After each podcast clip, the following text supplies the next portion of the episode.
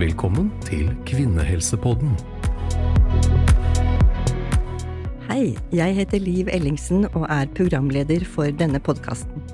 Jeg har jobbet som fødselslege i mange år og brenner for å spre trygg kunnskap. I dag skal vi snakke om noen vanlige komplikasjoner i barseltiden som vi faktisk er bedt om å ta opp.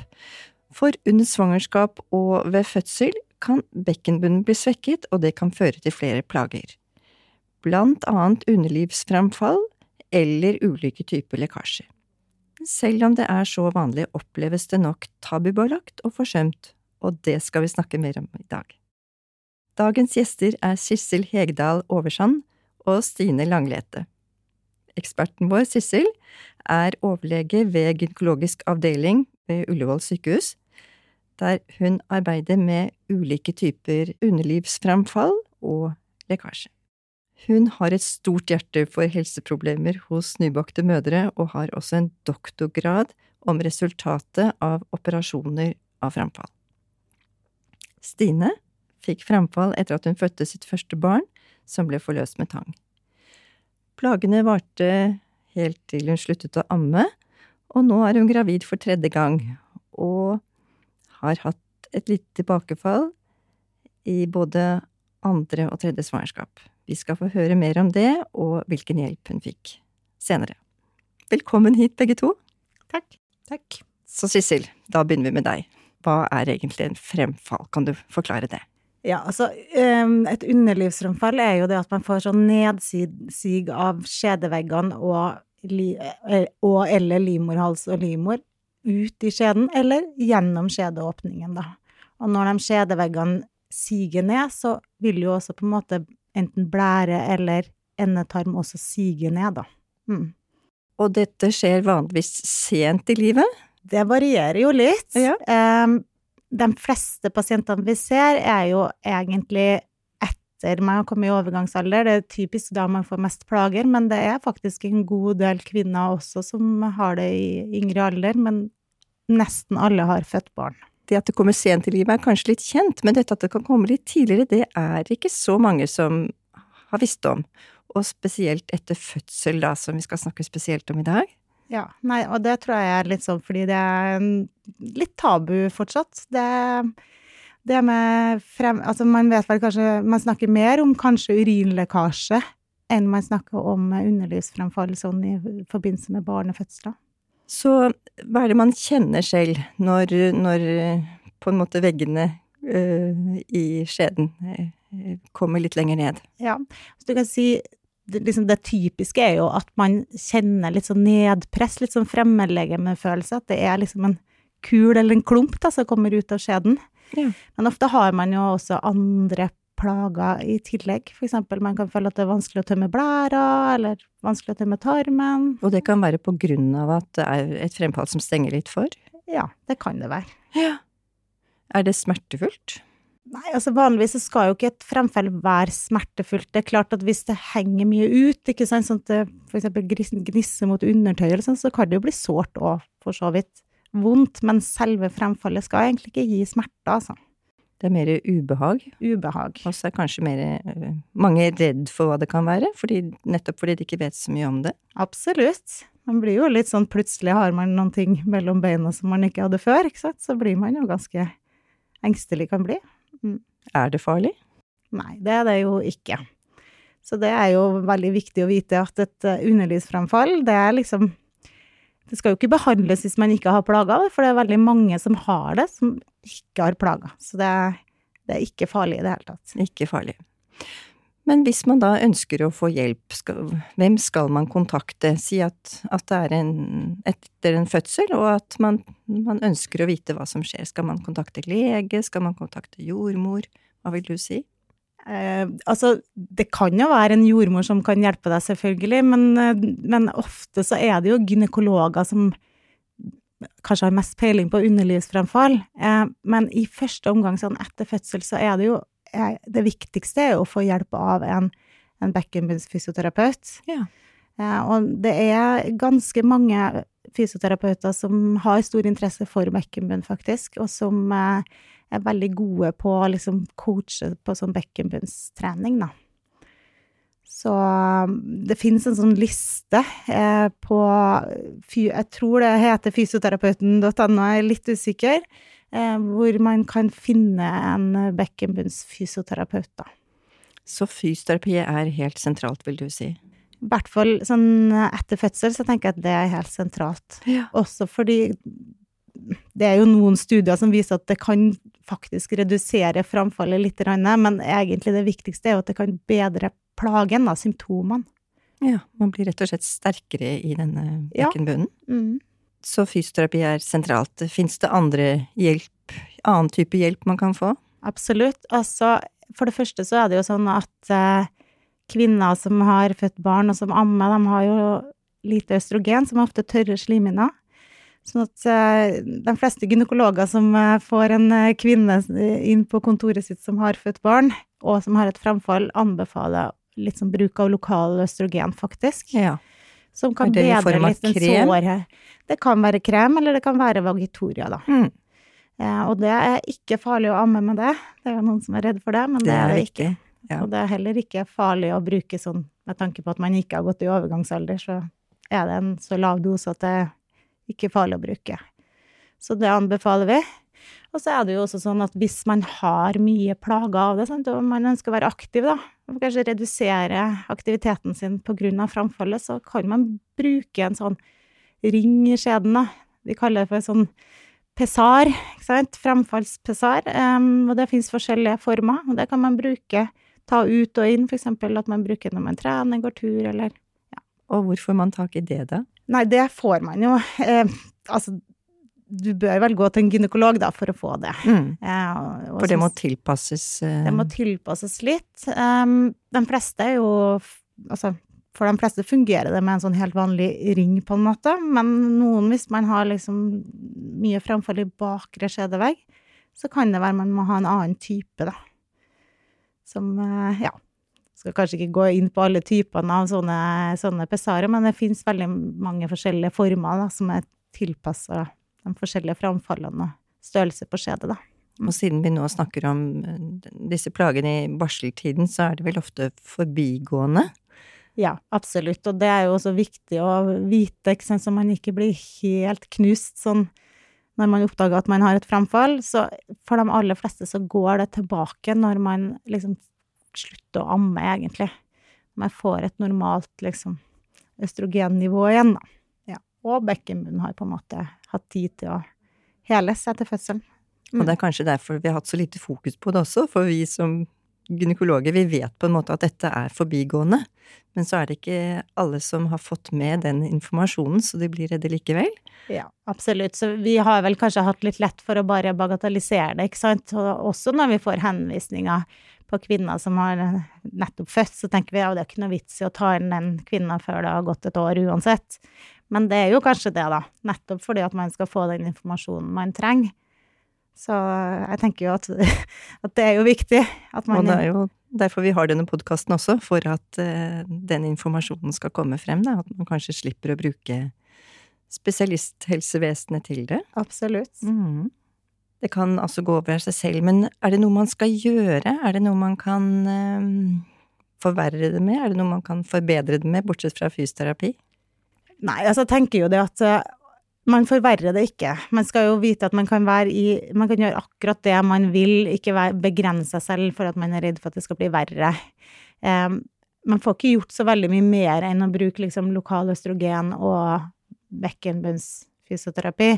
Selvfølgelig så er det jo også sånn at det, det er litt sånn etter fødsel så er det jo sånn at man har jo Hvis man har en litt sånn stor bekkenbunnskade, ikke sant, som har gitt fremfall, så er det jo på en måte det, Man kan ha litt sånn symptomer fra nerveskade også, ikke sant, som kan gå tilbake av seg selv. Så ja, egentlig så er det liksom tid man Ja, trenger ja. for å bli bedre. Kan man trene? Altså du tenker trene normalt? Ja, Ja. absolutt. Mm. Mm, og hvis Det som jeg sa i stad, hvis det er sånn at man må ha, eller ønsker å ha en ring eller noe i skjeden for å trene, så gjør man det. Så er det noen som er redd for hvis jeg føder igjen, eh, kan det bli enda verre? Er det en grunn til at jeg ikke skal føde? Er det eksempel bedre å gjøre keisersnitt? Nei, absolutt ikke. Eh, altså, man kan selvfølgelig få mer symptomer etter neste fødsel, men de fleste får jo liksom plagen etter første fødsel. Det er det typiske. At det er første fødselen som på en måte lager den største bindevevsskaden, da, ikke sant, eller bekkenbunnskaden. Mm. Så det er veldig sjelden at det blir sånn veldig mye verre. Ja, så det trenger man ikke å være bekymret for, egentlig. Nei, egentlig ikke. Da har vi snakket en del om fremfall, og det skal vi komme tilbake til, men vi skal gå gjennom litt flere plager, og da tror jeg vi skal snakke litt om det som vi snakker om som inkontinens, men som betyr lekkasje. Mm. Og da begynner vi med lekkasje av urinen. Det er det nok ganske mange som opplever, i hvert fall rett etter fødselen. Mm. Absolutt. Hvor vanlig er det, tror du? Nei, man sier vel det at ca. én av tre kvinner som har eh, født barn, har en viss grad av urinlekkasje, så det er ganske stort tall. Og da mener du ikke bare rett etterpå, da mener du også litt senere? Ja. Ja. Én av tre, det er mye. Ja, det er ganske mye. Hva er grunnen til det? Nei, altså hovedgrunnen til at man får eh, urinlekkasje etter fødsel, er jo at man får en skade på, på, på en støttevevet under urinrøret, altså i fremre skjedevegg. Og det som da skjer, er jo at urinrør, altså når måte trykket i buken, da, som vi kaller det, øker eksempel hvis du løfter tungt eller hoster eller trener hoppe og sånn, så, få, så får du en sånn bevegelse i urinrøret. Så den, den, det liksom roterer litt ned, da. Fordi at du ikke har den støtten du hadde før. Og da kommer det noen sånne små dråper. Det er liksom typisk, da. Og så er det noen som lurer på forskjellen mellom det som kommer i forbindelse med anstrengelser, og mer en sånn overaktiv blære. Kan du si noe om det? Ja, altså du kan si eh, vi, vi, deler sånn grovt sett i eh, anstrengelsesutløst urinlekkasje, som er typisk sånn fødselsrelatert, eller det trenger ikke å komme rett etter en fødsel, men det har med en fødselsskade å gjøre. Og så har du den andre typen som er det som er trangrelatert, da. Og det kan man selvfølgelig også få i løpet av et svangerskap eller en fødsel, men det kommer ofte litt sånn ja, senere i livet. Ja. Selv om det er veldig mange som har litt av begge på en måte gruppene urinlekkasje, da. Så hvis man da har en, en sånn anstrengelsesutløst eh, lekkasje etter fødsel, hva skal man gjøre med det? Hvor lenge skal man vente før man ber om hjelp? Ja, for der blir det jo litt det samme som ved underlivsfremfall, ikke sant, at eh, man bør jo vente til man har eh, vært, blitt ferdig med å amme, for de fleste blir jo også bedre. Det, Eh, det er men- den trøsten vi har igjen. Det er den at, at vi har det blir gjerne bedre. Det blir gjerne bedre. Og det som er jo også at bekkenbunnstrening har jo, har jo litt bedre dokumentert effekt da, på urinlekkasje enn på underlivsfremfallet, egentlig. Så der bør man i hvert fall trene hos en bekkenbunnsfysio, da. Ja, så der er vi tilbake til fysioterapeuten, som Ja, kanskje er Det er en sånn reklame for fysioterapeuten her, men det er viktig i barseltid, altså. Absolutt. så, så bra. Så det er det viktig å, å få koble seg på og få den hjelpen man virkelig skal ha, istedenfor å gå og bare vente. Mm. Men det vi også har, eh, som vi ofte anbefaler, er jo det at hvis man hvis man, liksom, man ønsker å være i fysisk aktivitet og begrense seg, det er litt det samme som framfall, ikke sant, så kan man også bruke eksempel enten en sånn stor tampong, da, i Ja. største størrelse, og sette inn sånn at den støtter under urinrøret. Løfter opp litt. Ja, løfter litt og støtter sånn at du har mindre lekkasje under trening. Eller du kan også Så finnes det sånne ja, sånn innlegg som er litt mindre enn den vi bruker på underlivsfremfall, som man kan sette inn før trening og ta ut etterpå, eksempel. Så det er jo en mulighet å bruke også. Så er det kanskje noen som har hørt om noen som har hatt så mye plager at de må ha kateter. Er det Ja. Det er vel uvanlig, men det skjer? Ja, kateter blir litt annerledes, for kateter det bruker vi mer hvis man har eh, problemer med å tømme blæra. Så da er vi på en måte på en annen type skade, da. Da er det jo mer på den her blæretømningsskaden, som man jo, eller problemet, som man jo også kan få etter en fødsel, hvis man eh, det, Der er det jo litt Det er litt annen mekanisme, for det er jo sånn at man liksom rett Det handler om liksom hormonsamspillet, ikke sant? Så det er litt typisk at man i forbindelse med fødsel kanskje kan få en litt overstrukket blære. Og Ah. da ha litt problemer med å kjenne blærefylling i starten. Det kan være både pga. overstrukket blære, men også pga. Litt, sånn, litt skade på, på nervene i bekkenbunnen. Ja, og noen får epidural, så de ikke rett og slett kjenner så godt de Nettopp, følelsene rundt fødsel. nettopp. Mm. Og da kan det ta tid før det går seg til. Ja. Så da er det jo noen som må bruke kateter. Kanskje de fleste da vil læres, læres opp i sånn selvkateterisering, da, ikke sant. Og det har vi mye fokus på på sykehuset, og det fanges opp, og det har vi eget opplegg for, på en måte, da, så det er litt, kanskje litt utenfor eh, Ja, det, men det er jo greit å vite at det kan skje, men det går seg også veldig ofte til. Det er veldig stor forskjell på noen som har, en, har et blæretømningsproblem i eldre aldersgruppe, for da, tar det, da er det sjelden at det blir bra, men hos en eh, frisk eh, ung kvinne så går, går det, det går seg til. Så går det seg til. Det er veldig god trøst, da, å vite det. Ja, jeg føler jeg sier egentlig det samme om alt her, men det er veldig mye som går seg til. Ja, fordi man Mm. eh, blir jo ofte redd for er dette noe jeg skal Leve fortsette med, med å leve Ja. med, så det er jo faktisk ganske viktig å Mm. vite det. Absolutt. Det var urinlekkasje. Mm. Det som kanskje er enda mer eh, vanskelig å snakke om, er dette med avføringslekkasje etter fødsel. Ja. Det er det nok også en del som ikke deler med så mange.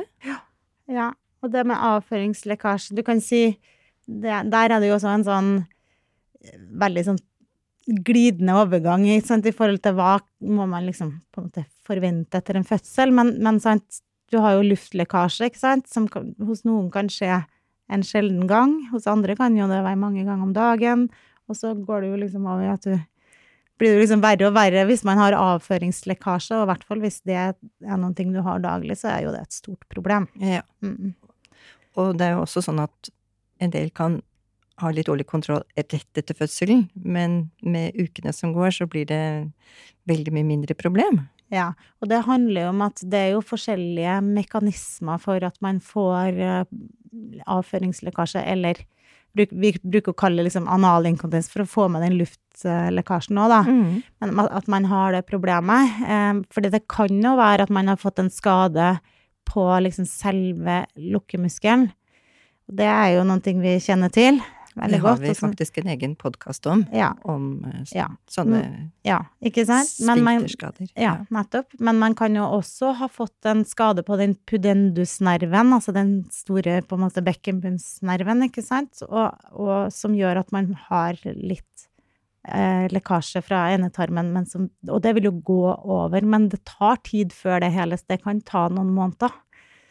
Ikke sant? Da kan det kanskje være lurt å være, komme til spesialist og få eh, Absolutt. vurdering der. Ja, helt klart. Mm. Og så kan det jo også være Det er jo ikke akkurat lekkasje, men, men hvis man tilbake til fremfall, da, hvis du har fått et fremfall av bakre skjedevegg, så kan det være at du opplever at det kan være vanskelig å tømme endetarmen, at avføringa blir på en måte liggende. Og da kan det også være at det blir litt sånn ja, litt sånn søl, på en måte, at det er vanskelig å holde det rent, da, fordi det liksom ligger alltid noen ting der. Mm. Trenger man hjelp for det? Ja, du kan si, nå er vi jo litt tilbake til det med, med underlivsfremfall, og det er jo veldig sjelden at man liksom opererer det, ikke sant, men hvis man har vedvarende sånne plager um, etter at det har gått et år, da, så hender det jo at vi vurderer å gjøre en operasjon. Ja. Det hender det.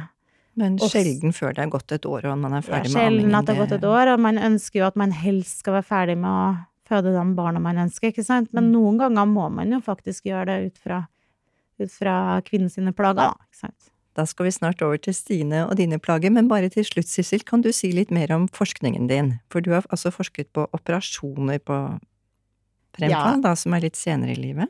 Ja, altså vi, eh, vi har jo gjort på en måte flere studier på, på en, en type um, operasjonstype som vi bruker for underlivsfremfall, og da hvor man på en måte reparerer liksom både foran, bak og i midten, da, hvis man har store fremfall. Um, og nå har vi jo akkurat gjort opp sånn langtidsdata, da, sånn etter fem års oppfølging. Em, og så har vi også et annet eh, studie pågående nå, en sånn spørreundersøkelse blant kvinner som har hatt skade på endetarmsmuskulaturen, og som har født normalt etter, etter at eh, de hadde den skaden. Og der er det oppfølgingstid på over ti år også, så det her er jo kvinner som har født for noen år siden. Mm. Men dette er viktig forskning, fordi det handler jo mye om hverdagsplager for kvinner, og det er jo en del av kvinnehelsen som kanskje har vært litt forsømt. Absolutt. Er du enig i det? Ja, det er vel eh, derfor jeg har sånn interesse for det, da. For at eh, Ja, altså det er jo Det er i hvert fall et felt som eh, man trenger å vite mer om, tenker jeg. Så da skal vi over til deg, Stine, og det virkelige livet. Du fikk fremfall etter første fødsel, Mm. som var litt tøft. Kan du fortelle litt om det? Ja, eh, jeg fikk jo en, mitt første barn, en datter, gjennom en tangforløsning. Ja. Eh, som eh, var jo tøft for meg, og i og for seg for henne òg, men det gikk eh, veldig bra. Eh, og så gikk det jo noen uker Man er jo Det er jo tøft å føde. Så man er jo, i hvert fall jeg hadde en del Ja, det var vondt, og man blør mye, og litt sånne ting. Men så etter hvert så gikk det seg til. Jeg var på den seksukerskontrollen hos legen. Eh, og så hadde jeg jo en del eh, ja, smerter i underlivet. Det var fortsatt ganske vondt. Du har Eh, kanskje sydd litt og hadde klippet litt også? ja, jeg hadde klippet, også? fordi de klipper jo, har jeg skjønt, ved tangforløsning. Eh, så jeg hadde et eh, noen sting som jo De, forsvant jo fort, men det hadde jo et lite arr som også var ganske vondt, da. Men så, hos fastlegen, da, som hadde denne seksukerskontrollen, så fikk jeg jo egentlig beskjed om at det så fint ut. Ja. Eh, og at dette kom til å gå seg til, sånn som jo dere i og for seg har snakket om her, da. Eh, og så gikk det jo noen uker til, og så Ja, jeg hadde problemer med å gå ordentlig. Det var på en måte Kjentes veldig feil ut. Ja. Eh, og så ble jeg litt sånn Sånn her kan jeg Jeg kan ikke gå sånn her. Eh, så jeg tok kontakt selv da med en gynekolog. Var det smertefullt, eller var det mer plagsomt? Eh, det var litt begge deler. Fordi ehm, det var plagsomt. Mm. Det var jo litt eh, det der å ha en kul mellom Eller som hang litt ut. Mm. Jeg selv kjente på en måte at det var akkurat som jeg hadde en tampong som bare var på vei ut. Og det er jo ubehagelig. Ja. Eh, og så var jeg veldig sår Ja. også. Ja. Ehm, ja, også som det ble beskrevet her. Det var veldig gjenkjennelig. De Mhm. to tingene der, da. Så da kom du til en gynekolog. Ja, en gynekolog. Eh, og da viste det seg jo at jeg hadde da fremfall. Ja. Ehm, og så ehm, var jo det Jeg hadde aldri hørt om det før, faktisk. Så det var veldig nytt eh, for meg, eh, og fikk jo veldig god informasjon der, da. Blant annet dette at dette kommer til å gå over, og jeg må vente og alt sånne ting. Ehm, men så fikk jeg eh, litt mm, Jeg fikk vel noen kremer, da. Ja. Sånn østrogenkrem, Jeg kanskje? gjorde faktisk det, men jeg fikk ikke det først. Jeg fikk noen sånne øh, mer sånn jeg Jeg husker ikke helt hva det heter. Remisoft. Mm. Ja, det er en litt mer sånn fuktighetsgivende krem. Eller Sissel kan sikkert svare på det Ja, det. er jo sånn som uh, vi ofte gir til kvinner som har hatt brystkreft, eksempel, som ikke kan bruke østrogen. Så Ja. det var vel det at den gynekologen ville være litt forsiktig med å gi deg østrogen, da, kanskje. Mm. Mm. Men det skal uh... Det skal være greit. Ja, og virkningen er at det skal gjøre slimhinnen mykere, kanskje, eller? Ja. Gjøre med, med Ja, for det er, jo, det er jo på en måte Det skal liksom eh, være tilsvarende lokaløstrogen, da, bare Ja. uten østrogen. Men det gir jo ikke helt samme effekt. Men det skal være mykgivende, i hvert fall. Mm. Ja, og det hjalp, det. Altså, det var veldig fint å få det. Eh, men så gikk det jo en uke eller to til, og jeg bare kjente at dette Jeg, kan, jeg klarer ikke å gå sånn her, eh, rett og slett. Så jeg fikk en ny time, da. Og da fikk Hos jeg samme jo gynekolog. Hos samme gynekolog, ja. Uh, så da fikk jeg jo uh, denne østrogenkremen. Mm. Uh, og så fikk Var jeg den på resept, eller fikk ja, du det jeg tror faktisk jeg fikk det på resept. Ja. Og da snakket vi også om at det kommer til å stå på den pakningen at du ikke kan ta det egentlig, men du kan ta det da, selv om du ammer og alt det der. Så det var jo fint at det ble sagt, da, for det, man tenker jo på sånne ting, selvfølgelig. Eh, og så brukte jeg det, da tror jeg at det var sånn én eller to ganger i uka, og så kunne jeg bruke den andre kremen, da, mye. Og så fikk jeg også mm, en sånn ring Ja. med meg. Mm. Og den ringen eh, eh, satte jo hun gynekologen inn. Det var liksom som en hårstrikk, kanskje, i størrelse. Ja. Så da også snakket jo hun mye om kommer denne til å passe deg, og prøvde faktisk litt forskjellige ringer hun hadde. Mm -hmm. um, så hun satte inn den, og det var jo en veldig sånn lettelse fysisk. At det, bare kjentes jo helt vanlig ut igjen. Da ble det løftet opp. Ja, det ble løftet opp, så den derre tampongen som på en måte var litt løs, følelsen ble borte da. Um, og det var veldig sånn mentalt veldig bra, egentlig. Selv om det kanskje akkurat det der Det var jo ikke så vondt i seg selv, men det var veldig sånn Det er jo krevende å gå rundt og kjenne at ikke ting er som det skal. Mm. Nesten mm. litt sånn Selv om det ikke er så vondt, så tror man jo at noe er veldig galt, når noe ikke kjennes riktig ut, da. Mm. Hvor lenge hadde du den ringen? Vet du hva, jeg hadde den ringen bare i noen dager, fordi at eh, av en eller annen grunn så tok jeg den ut. Og så fikk jeg Syns jeg den var veldig vanskelig å sette inn Ja, for den er jo veldig hard. Um, og da ble det litt sånn Ja, skal jeg sette den inn igjen, eller skal jeg liksom be om en ny time for å få hjelp til å øve på dette? Ehm, men det var jo også det der å vite at jeg hadde den ringen, da. Ja, for det var en ting jeg glemte av å si i stad, det er jo at man kan jo ha den ringen inne, selvfølgelig, og det er jo noen som har samleie med ringen inne. Men det er jo noen som syns det er litt ubehagelig, så det er fint å egentlig lære seg å ta den ut og inn, ikke sant, når man er såpass ung, da. Men det er mange eldre damer som har ring inne i et halvt år og opp til et år uten at den tas ut, liksom. Så det er jo ikke farlig å ha den inne. Nei, og det var jo egentlig det de hadde sagt også, men jeg jo Jeg, jeg ble litt sånn at jeg vet ikke, Det er også litt rart å gå rundt med et fremlegg med skjeden sånn. Ja. Så, så det var sikkert litt den mentale biten i det, at jeg bare tenkte nei, nå må den ut, på en måte. Og så men, eh, men det som var fint med å ha den ringen, da, det var jo eh, at jeg hadde den. At det liksom var mulig å sette den inn. Du visste det var en mulighet der. Ja, at jeg visste at jeg kunne liksom bli kvitt den følelsen, da. Mm. Sissel fremsnakket jo fysioterapi. Fikk du noe tilbud om det? Brukte du det? Nei, det var det ingen som nevnte, så det har jeg ikke brukt. Men um, han fastlegen min, han øh, var jo veldig tydelig på at jeg måtte begynne med bekkenbunnstrening. Mm. Så det gjorde jeg. Sånn i egen regi? Ja, og jeg fikk en app uh, som han anbefalte. Eh, og den øh, Det hjalp.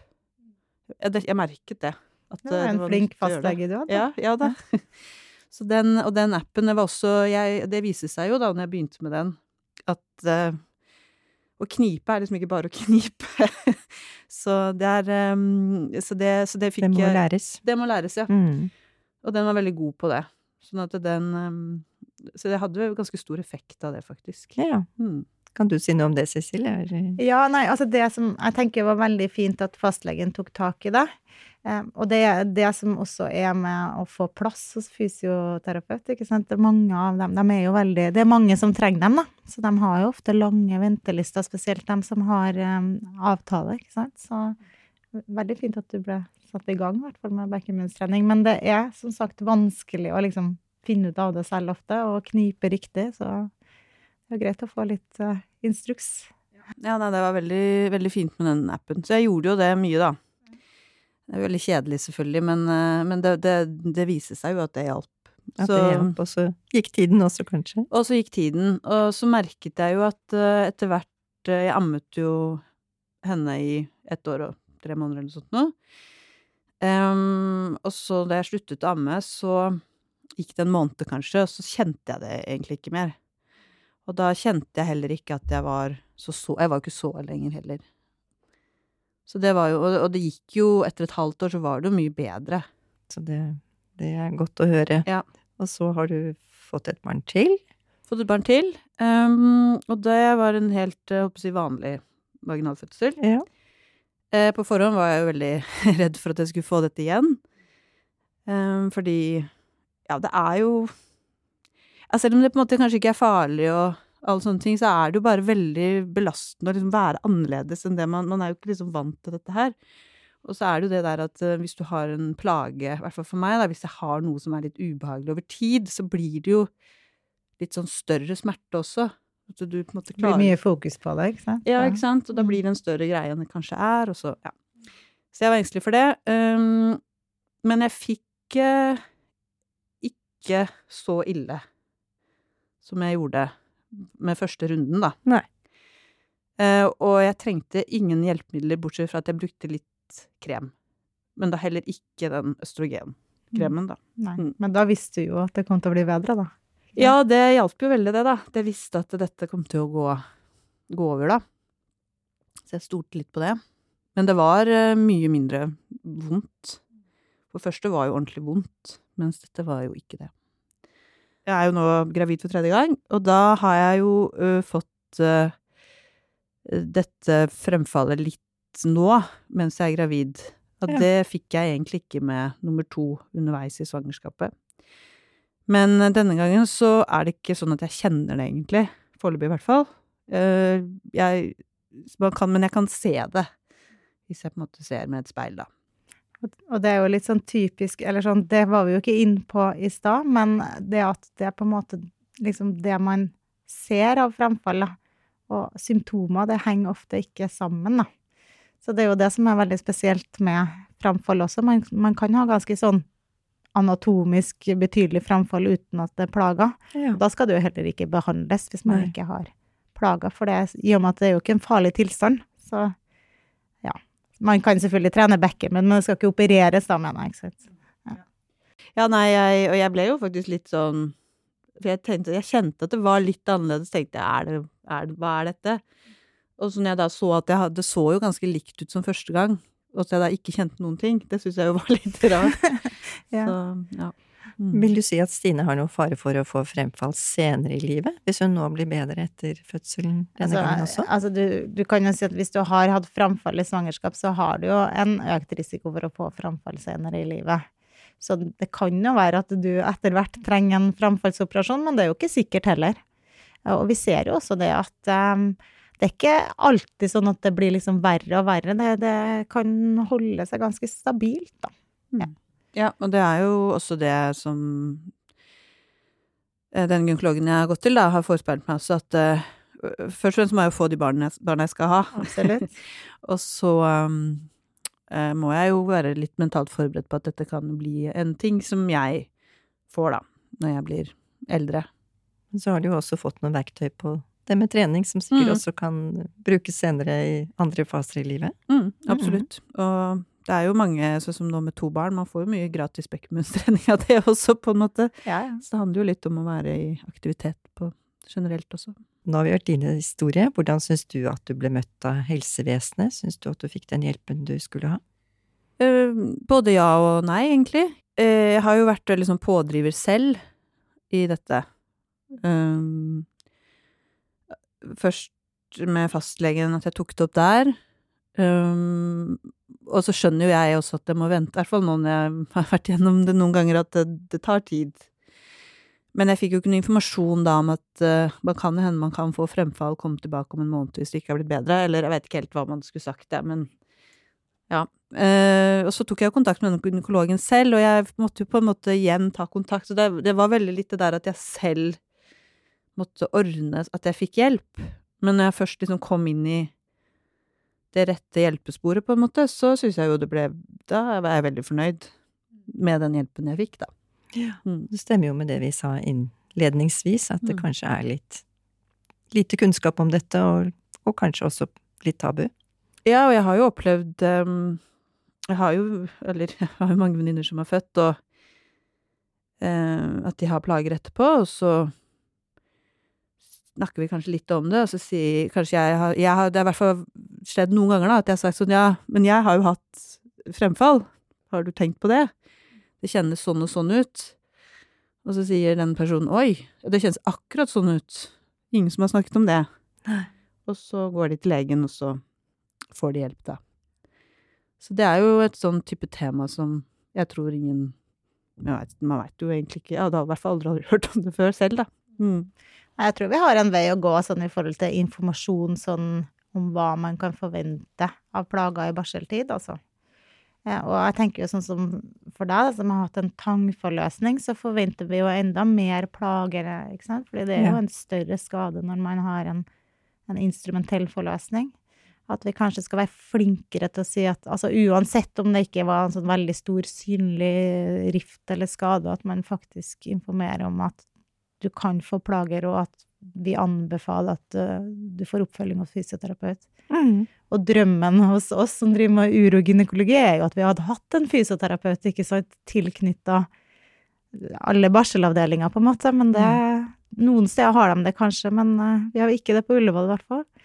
Jeg vet ikke Om du kjenner til om de har det noen andre steder, men jeg tror kanskje ikke det, altså. Nei, det tror jeg kanskje er sørgelig Ja. nedprioritert område. Ja. Så mm, jeg tror det faktisk er ganske viktig at vi setter litt ord på dette her, ja, sånn som vi gjør nå. absolutt. Vil du kommentere Stines historie noe mer? Nei, jeg tenker jo, nå avbryter jeg jo litt underveis her, men jeg tenker jo at eh, du har jo en ganske typisk historie. Det er jo veldig vanlig med, med underlivsfremfall. Eh, Og det, som jeg sa, da, så tenker jeg jo det at det som hadde vært ideelt for deg, hadde jo vært hvis du hadde fått for, for det første litt bedre informasjon i, eh, om risikoen for å få det, og at det er jo ganske vanlig, og at det vanligvis går tilbake. Så hadde vi kanskje spart deg for litt bekymringer, da. Ikke Mm. sant? Ja, det tror jeg er veldig riktig. For man blir jo bekymret, i hvert fall når man ikke er Jeg er jo ikke helsepersonell selv. Jeg, altså det er jo på en måte jeg- Ja. Det man ofte gjør, er at man googler, og så ser man, får man kanskje helt andre svar enn det man Ja. ønsker seg. Mye Mm. verre ting. Absolutt. Har du noe, Stine, du vil spørre Sissel om? Du hørte innledningen her. Um, ja, du har jo egentlig svart litt på det med tangforløsning og risiko for um, at dette kan skje. Uh, men gjelder det også Det er jo andre måter å få sånn uh, vakuum, for eksempel. Ja. Det er jo Det er ikke visst samme Altså, det blir ikke like stor skade, da, med en vakuumforløsning vanligvis. Nå er det jo her ren statistikk, da, så det er jo ikke på enkeltindivid, men, men uh, tangforløsning gir en større risiko. Mm. Det gjør det. Enn vakuum. Sånn ut fra studier. Mm. Men det er klart, det, det er jo forskjellig kvalitet på studier, selvfølgelig. Og det er jo også veldig mange av de kvinner med underlivsfremfall som det forskes på. De har jo født for 30 år siden, og da var jo fødselshjelpen også litt annerledes. Så det skal vi også ta med, ta i betraktning, selvfølgelig. Mm. Da tror jeg vi er kommet til veis ende, så tusen takk til dere, Stine og Sissel, for at dere har delt og gjort oss litt klokere på et emne som mange kanskje ikke vet så mye om. Så følg oss gjerne på Instagram-kontoen Kvinnehelsepodden. Gi oss ris og ros, og del gjerne episoden hvis du kjenner noen som trenger den. Takk for i dag.